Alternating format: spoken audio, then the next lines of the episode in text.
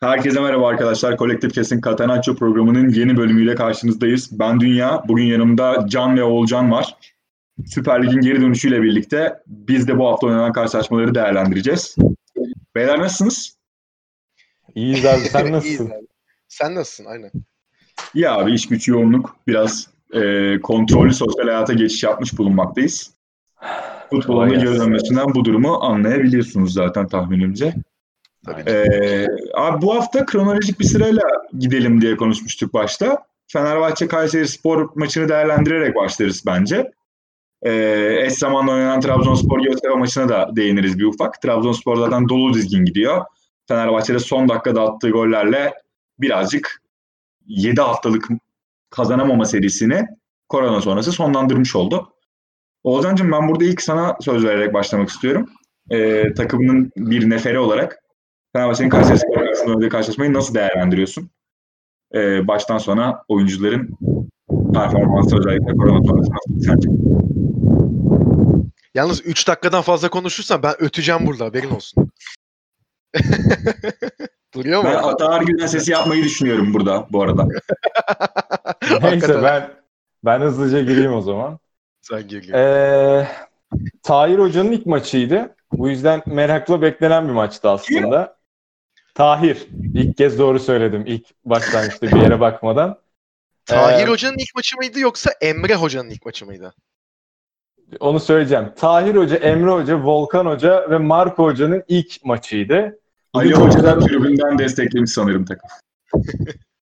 Ya bu her Fenerbahçe konusunda atlıyorsunuz araya. İş Rize maçında Tamam, tamam. göreceğim ben sizi birazdan. Neyse. Ee, öncelikle ilk kadro açıklandığında haliyle eksiklerin de söz konusu oldu. İşte Max Kruse yoktu, Hasan Ali yoktu vesaire. Ee, bu dönüşü çok merak ediyordu herkes. Acaba pandemi süreci zaten kötü olan bir Fenerbahçe'yi acaba daha da hantallaştırdı mı yoksa acaba taşlar yerine oturdu mu bu hazırlık sürecinde diye.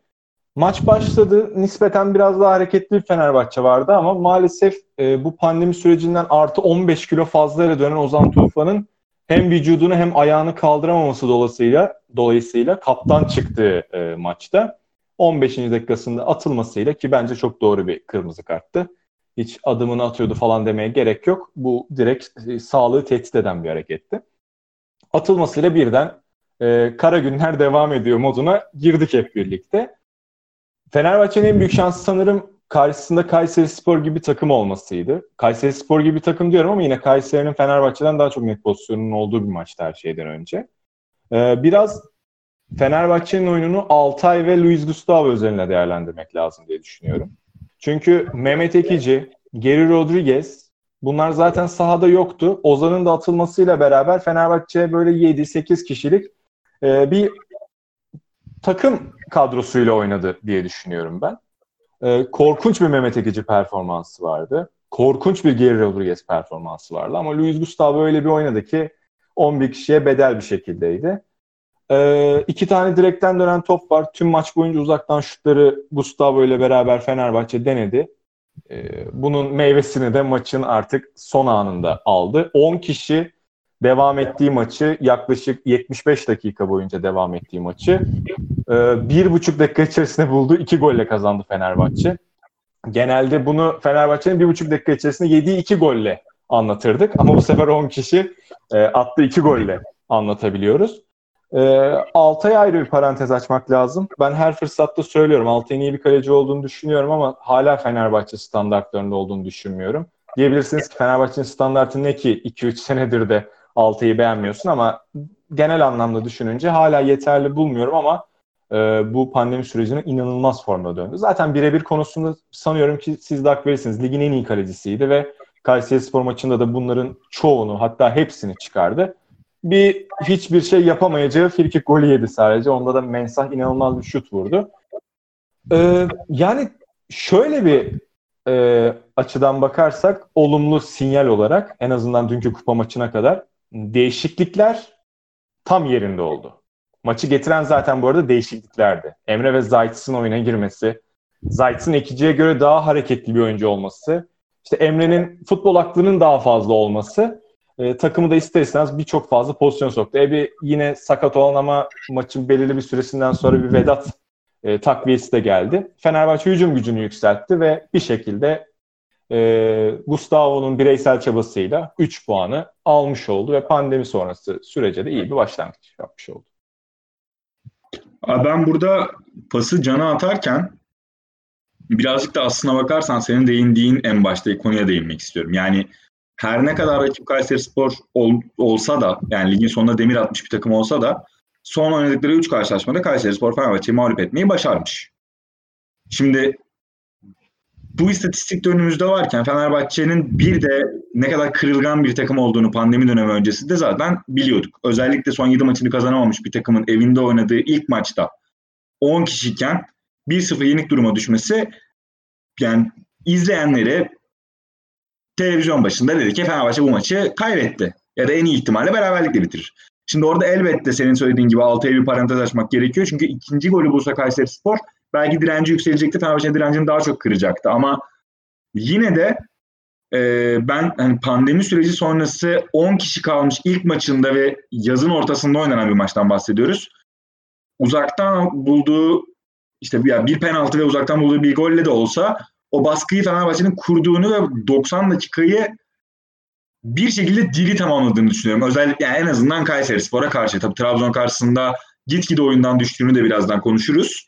Ama Kayseri'ye karşı ben o direnci gösterdiğini düşünüyorum. Can sen e, bu konuda bir ekleme yapmak ister misin?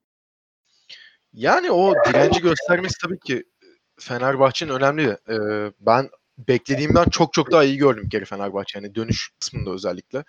Yani fiziksel açıdan ne kadar e, fit olurlar o konuda soru işaretlerim vardı. Şimdi e, aradaki 100-102 günü teknik direktörsüz geçirmiş bir Fenerbahçe vardı. Hani son işte maç Cuma'ydı yanlış hatırlamıyorsam salı günü e, Tahir Karapınar'ın takımın başına son 8 maçlarına geçtiği açıklanmıştı.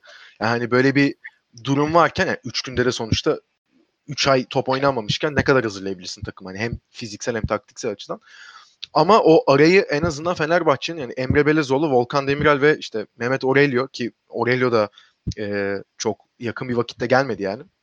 Ama en azından Emre ve Volkan'ın e, önderliğinde fiziksel açıdan iyi götürdüğünü gördük. Yani ama hani taktiksel olarak tabii ki hala Fenerbahçe'nin ya zaten bu 3 aylık aradan sonra bir anda çok daha farklı bir yapıya e, bürünmesini beklemiyordum ben ama o senin dediğin direnç kısmı konusunda tamamen katılıyorum. Hani en azından 10 kişi kalmış yani 3 ay maça çıkmamış. Maçın 15. dakikasında da 10 kişi kalmış bir takım. 87 ve 88. dakikada attığı 2 golle geriden gelip maçı 2-1 kazanmasını bildi. Bu açıdan tabii ki çok olumlu. Ama yani Fenerbahçe'nin e, bu kupa maçıyla da bağlantılı olarak isterseniz hatta e, biraz oraya da değinebiliriz Fenerbahçe bölümünü e, konuşurken. Ya Fenerbahçe'nin bu kalite eksikliği tabii her maç artık iyice ön plana çıkıyor tabii sezonda sona yaklaştıkça. Hele hele bu hep aynı yere bağlıyorum ama hani 3 aylık aradan sonra hele daha bir belli oldu o kalitesinin ne kadar yani bir iki kişiye bağlı olduğunu. Emre girdikten sonra Emre ve Vedat girdikten sonra tabii Vedat'ın da burada katkısını yaban atmamak lazım. Hani Fenerbahçe'nin çehresi değişti hakikaten ve Emre hani resmen Gustavo ile Tolga'yı siz arkaya tutacaksınız. Ben biraz daha ileride oynayacağım ve hani işi çözeceğim diye bir mesaj verdi. Ve işi çözdü hakikaten. Luis Gustavo'nun da tabii ki orada yani insanüstü bir katkısı var. Hakikaten yani iki kişilik oynadı neredeyse. Ama yani dediğim gibi bu hani Gustavo var, Emre var. Ya kalite olarak şimdi Vedat fiziksel olarak çok farklı bir seviyede çok iyi mücadele ediyor. Onlara hiçbir lafım yok ama hani kalite kısmından mesela bence de Vedat eksiklerden biri. Ama o en azından mücadelesiyle ve fiziksel üstünlüğüyle bunları kapatabiliyor. Şimdi Oğulcan'ın saydığı isimlere bakınca işte o Geri Rodriguez'idir, diğerleridir, Ozan'ıdır. Ha, onlar kapatamıyor işte bunu. Hani Geri Rodriguez hak- hakikaten felaket durumda. İşte Mehmet Ekici Trabzon maçında, kupa maçında tamam hani oyuna girdi de e, yani sadece şut çekiyor. Başka hiçbir şey yapmıyor. Ya Geri Rodriguez'in o halini görünce ben yani Galatasaray'da izledim. İki, iki buçuk sezon sanırım. iki sezon veya. Hani o Fatih Terim'in işte Tudor'dan sonra geldiği ve şampiyon olduğu sezon Galatasaray'ın Geri Rodriguez inanılmaz bir seviyedeydi ama hani Fatih Terim'i bu adamın limitlerini anladı ve direkt yani sözleşme yenilendikten iki ay sonra yolladı Rodriguez'i. Bununla devam edemeyeceğim ben dedi. Fenerbahçe'ye ben bu sene geldiğinde Vedat'la iyi bir ilişki kuracağını düşünüyordum Rodriguez'in. Nasıl Gomis'le çok iyi bir ikili uyum yakalamışlardı. Hani Gomis ona çok iyi alan açıyordu. Rodriguez de o alana çok iyi koşuyordu. Ara ara gösterdiler bu partnerliği ama hani Rodriguez sakatlandı, Vedat sakatlandı, Rodriguez yedek kaldı. Hani o oyun ve ilk 11 istikrarı da yapılmadı. E, tekrar gelmek istediği noktada kalitede olduğu için Geri Rodriguez de öyle yoktan var edebilecek bir topçu değil. Zaten öyle bir oyuncu olsa Galatasaray 10 milyon dolara satmıştı. 30 milyon dolara satardı zaten. Yani dar alanda bir şeyler üretsin, kilit açsın, karşı takımı çok yıpratsın. İşte oyun görüşüyle şunda bunda. Öyle bir oyuncu da olmadığı için e, boş alan da yaratamıyor Fenerbahçe. Böyle olunca işte bu tarz durumlarda sıkıntı yaşıyor işte. Hani hep seneye ne olacak diye konuşuyorduk. Hani Fenerbahçe'nin bence en çok üstüne düşmesi gereken nokta bu son iki maçta da belli oldu ki işte o kalite eksiğini kapaması gerekiyor. Bence yine hani 3 aylık aradan sonra dediğim gibi diri döndü Fenerbahçe ama o kalite eksikliği hala çok belli ediyor kendini. Ya burada son sözü ben Oğuzhan'a vermeden önce bir ekleme yapacağım sana. Kalite eksikliğin ne değinmen üzerine aslına bakarsan. Yani Fenerbahçe'nin hücum anlamında ciddi bir kalite eksikliği olduğunu düşünüyorum Vedatsız oyunda Kayseri karşılaşmasında özellikle. Tabii. Üretkenlikte de ciddi bir sıkıntısı var. Oğuzhan'ın bahsettiği gibi gerinin performansı içler acısı yani. Hani o artık rakibinin tehdit oluşturmadığı sürece e, hatta ben Trabzonspor maçında Deniz'in yayından önce Oğuzhan'la konuşuyorduk demin. E, Deniz'in oyundan çıkmasını da en azından işte attığı gol, işte orada yarattığı hareketlilikle bir tehdit unsuru olarak görülmesinden Novak'ın ileriye çıkamadığından bahsettim. Yani Fenerbahçe'nin orada en azından hareketli ve bir şeyler üretmeye aday oyuncular değerlendirmesi lazım. Bu problem %100 kaliteyle çözülecek. Senin de söylediğin gibi. Transferle ya da işte alttan yetiştirdiği ve güvendiği oyuncularla ama geride bıraktığı 105 günlük süreçte Fenerbahçe'nin değişmeyen en önemli noktası bence arkada verdiği pozisyonlar. Yani evet. Gustavo gibi bir isim olmasına rağmen Fenerbahçe takım halinde savunma yaptığında pozisyon veriyor geçiş oyunlarının hepsinde pozisyon vermeye devam ediyor. Yani biraz fizikli, biraz tekniği yüksek, biraz oyun zekası yüksek bu üçünden birine azıcık sahip bir hücum hattı olan takımda ee, özellikle Trabzon maçında işte bu oyundan çıkana kadar Vakayeme, Ekuban ve Sörlot'la bunu çok fazla gördük. E, Fenerbahçe 5 tane %100'lük gol pozisyonu verdi. Yani, abi, abi ligin zirvesinde, bu takım ligin zirvesinde. Diğer tarafta şöyle bir ekleme yapacağım lafını kesiyorum. Abi Trabzon maçını da hani düşününce ikinci golü Trabzonspor'un bundan 3 ay önce Fenerbahçe aynısını Galatasaray'dan yedi. Ha bu sefer sadece hani topu getiren kişi atmadı asist yaptı. Ama yani aynı golü yiyor Fenerbahçe. 3-4 hala o, o sıkıntı devam ediyor senin dediğin gibi. Ya ben özellikle direkt go, direkt olarak golden bahsetmedim. Çünkü hani Galatasaray maçındaki psikoloji, Galatasaray maçındaki psikoloji Fenerbahçe takımının gol atması gerekliliğiydi. Tabii tabii tabii. Ee, Trabzon maçında aynı psikoloji vardı ve ciddi bir kontratak gücü Ekuban ve işte karşılaştığında zaman Onyekuru. Ama verdiği pozisyonlar üzerine değerlendirince bu çok ciddi bir sıkıntı. Oğulcan'cığım sana pası şurada atacağım. Ligin zirvesindeki Trabzonspor, Ekuban, Sörlot ve işte oyundan çıkana kadar Vakayeme ile Abdülkadir Ömür'le pozisyona girer Kadıköy'de. Üç tane de attı dün. Daha da fazlasını atabilirdi. Bu belki şu güncel durumda Fenerbahçe anlayışla karşılanabilir. Ama ligin dibine demir atmış Kayseri Spor'a da benzer pozisyonlar veriyor Fenerbahçe. E sen bu durumu nasıl irdelersin? Bir, konuşmanın başından beri söylediğimiz kalite eksikliği. İki, özellikle bu son iki maçta ilk kez belki de partner olan Serdar ve Falet'in birlikte oynaması. Üç, iki tane, ya aslında şöyle düşün. Kayseri Spor maçında Dirar, Serdar, Falet, Deniz çıktı. Deniz Falet'le beraber defansın sol kısmında sanıyorum bir ya da ikinci kez oynadı. Ki zaten adam sol bek değil normalde. Hani Ki savunma tan... işte Trabzon maçında Aynen. oynamışlardı ilk kupa maçında. Ki savunma... onda da Falet çıktı sakatlanıp. Savunma tandemiyle zaten Deniz'in alakası yok. Hani savunma yapmayı doğal olarak bilmeyen bir oyuncu. E, Dirar desen artık 33-34 yaşında zaten Fenerbahçe ilk olarak sağ bek diye alınıp hayatında üçüncü kez falan Fenerbahçe'de sağ bek oynadı. E, Serdar Falet ilk kez beraber bir stoper tandemi oluşturdular. E, Serdar zaten ben ne kadar beğensem de sakar bir herif. Yani dün Serdar Falet bu arada ilk kez değil 4000 maç oynasalar da kariyerlerinde kariyerlerinin sonuna kadar bu performans sergileyecekler yani bundan eminim. Ya, yüksek ihtimal evet. birbirleriyle çok uyumlu olacaklarını ben de düşünmüyorum. E, Serdar biraz dengesiz bir adam. Yani ne yapacağını pek fazla kestiremiyorsun. Falet desen zaten Fenerbahçe taraftarı için e, adının geçmeye başladığı ilk günden beri çok büyük bir soru işareti.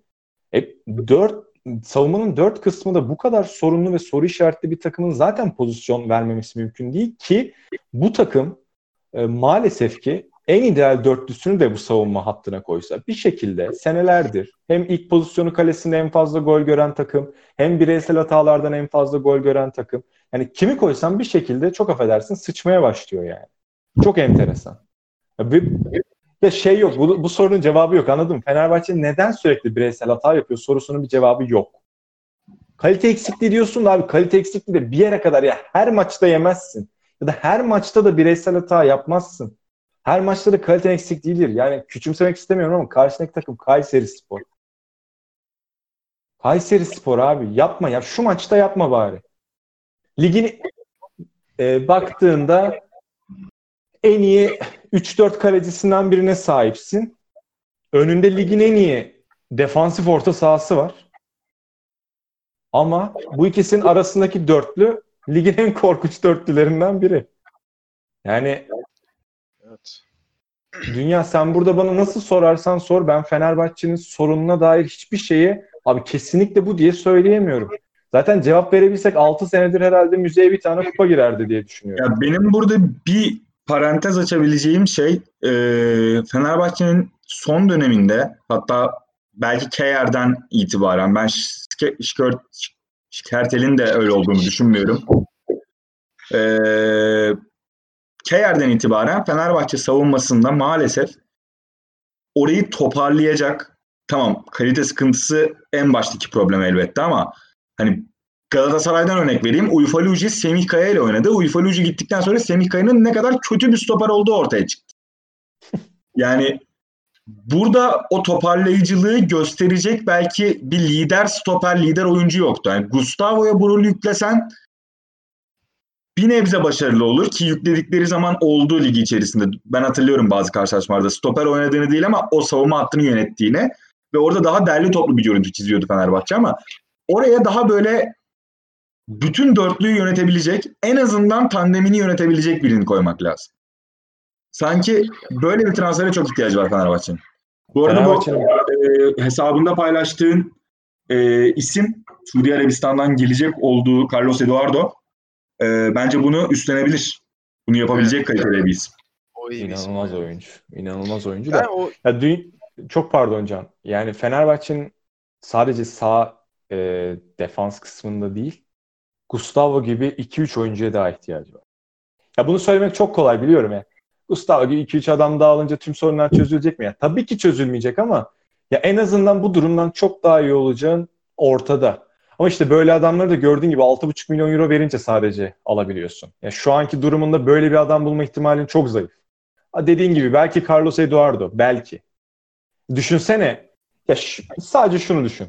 Fenerbahçe o 6-6,5 milyon euro konusunda ya Kolarova ya Gustavo'ya vereceğiz demişti.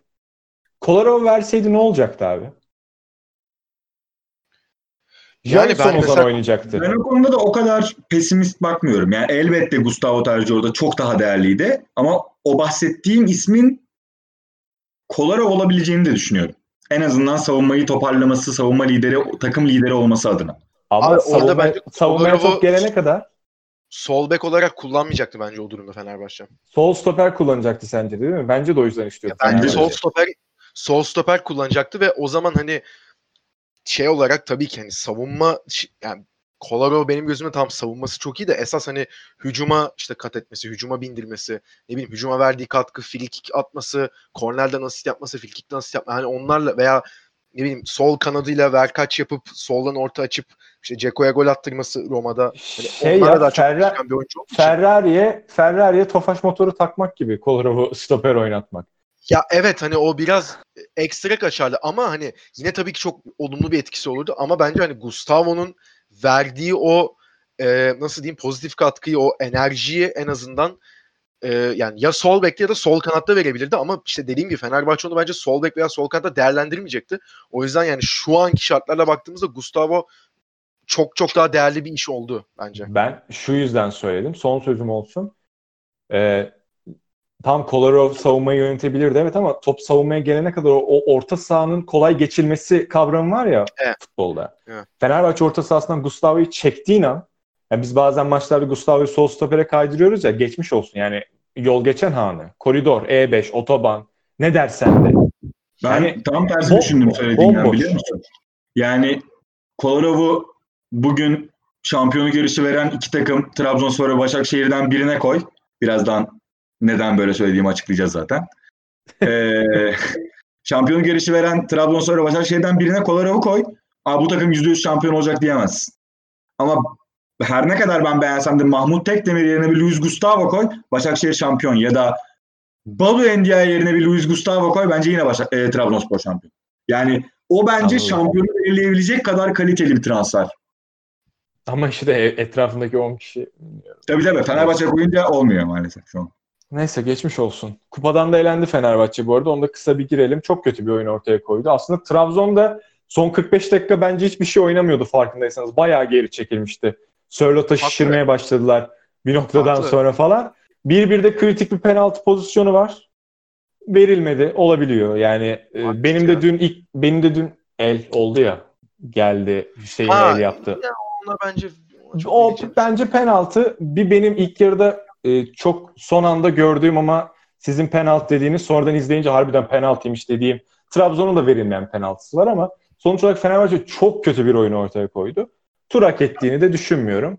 Uğurcan'ın çıkardığı bir iki tane top falan var ama Trabzon bu sezon üçüncü kez üst üste Fenerbahçe'yi mağlup etmiş oldu. Fenerbahçe de elindeki ligde gidişatını bilemiyoruz ama elindeki en net Avrupa şansını da böylelikle kaybetmiş oldu. Ben Ya tek cümleye bir- geçeceğim. Ha, Sen sonra pas atacağım direkt. Tek cümle çünkü benimki zaten. Hani Trabzonspor'un zaten lig sürecinde birçok maçta ilk 10 dakikada golü bulup birazcık daha arkaya çekilip kontrol oynadığını biliyorduk. E, Burada da attıkları ilk golden sonra zaten skoru 3-1'e taşımışlardı genel skoru.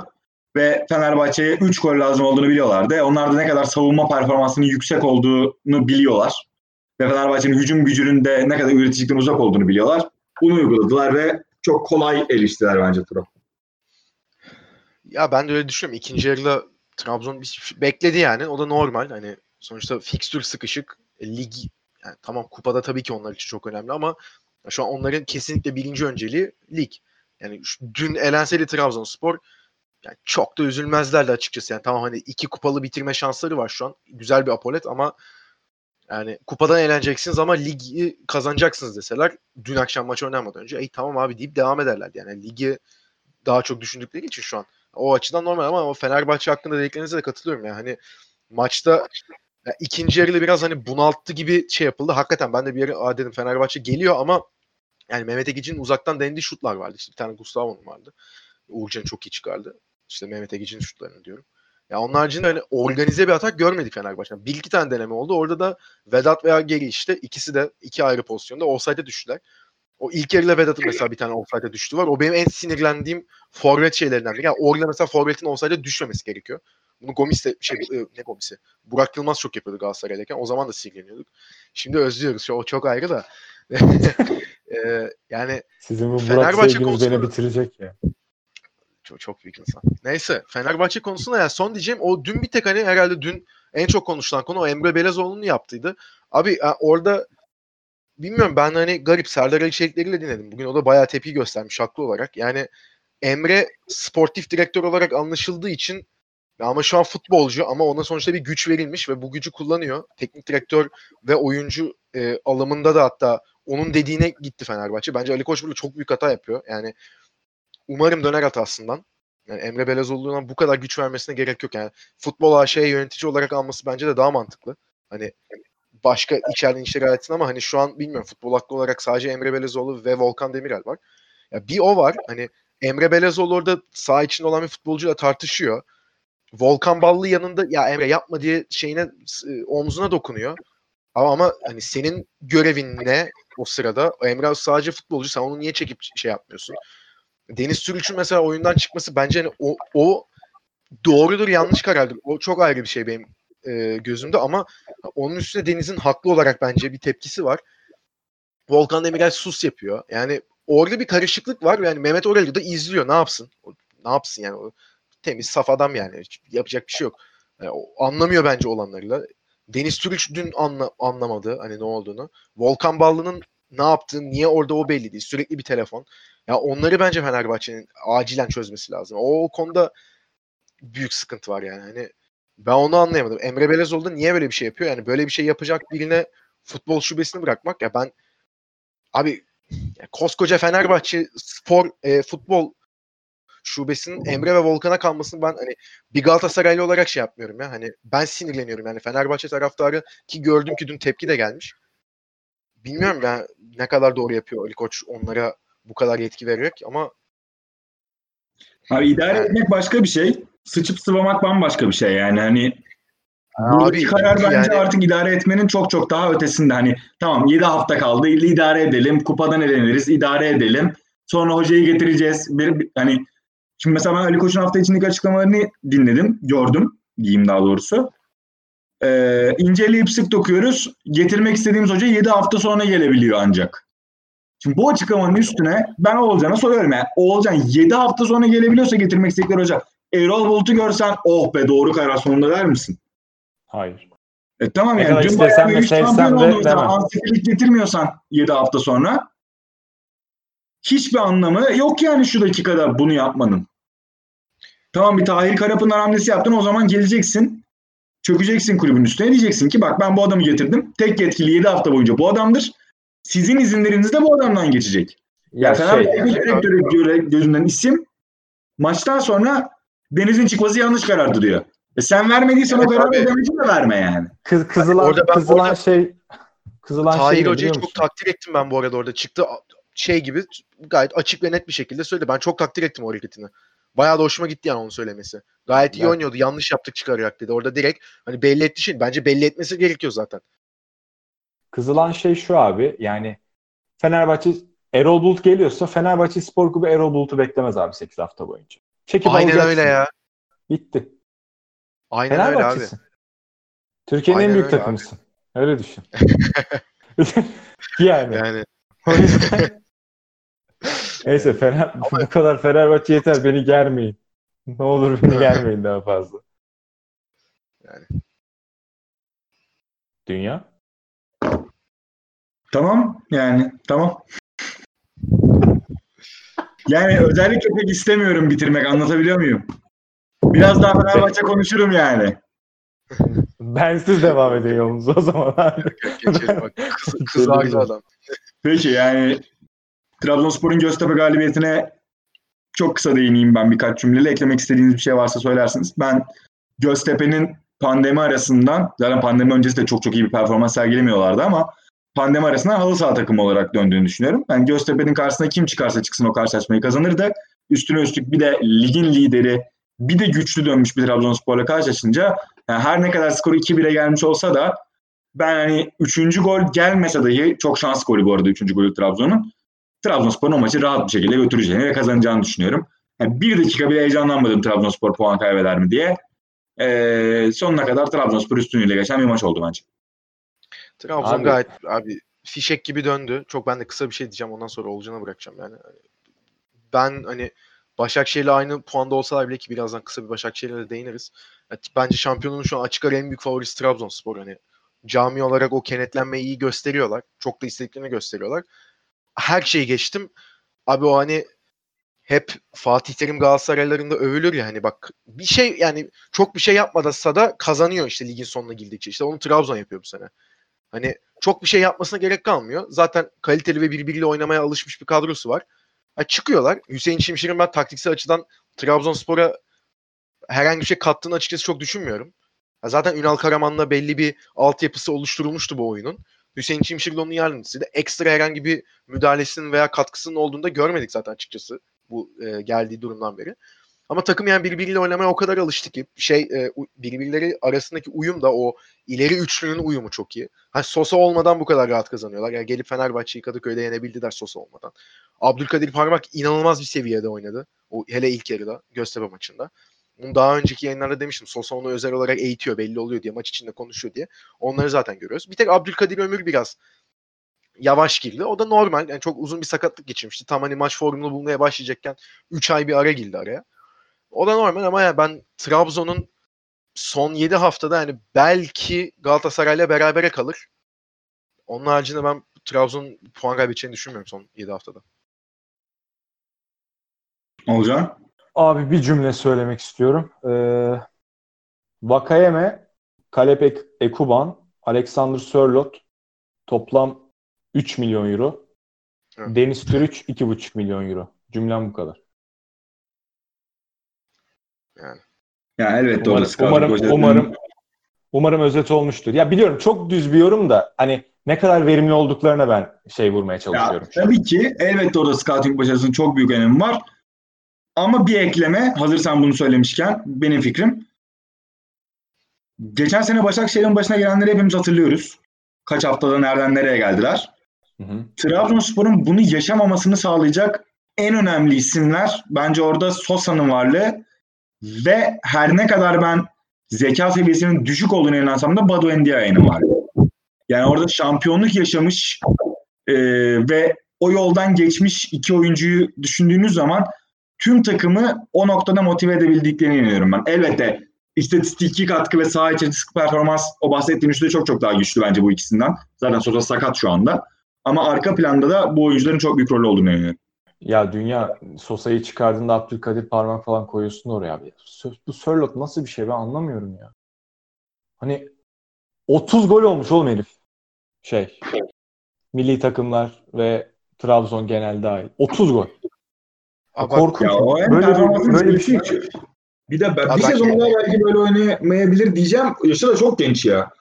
Topu alınca tank gibi gidiyor. Gerçekten tank gibi gidiyor yani. Abi tamam seviyorduk e, Crystal Palace'a transfer yaparken onun öncesinde FIFA'da FIFA 18'de falan inform kartı çıkardı hatırlarsan. O zamanlar falan severdik yani adamı ama FM'den bilirdik. Böyle bir hayvan olduğunu ben de ama bu kadar bilmiyordum yani. Çok acayip bir şey. Soğudum yani. Soğudum ben şahsen. Ve hani şey ya söyledim hani sezon başı o Avrupa elemeleri ve işte ligin ilk haftalarında falan çizdiği yerden çok farklı bir şey. Geçen gün e, spor yaparken şey açayım dedim.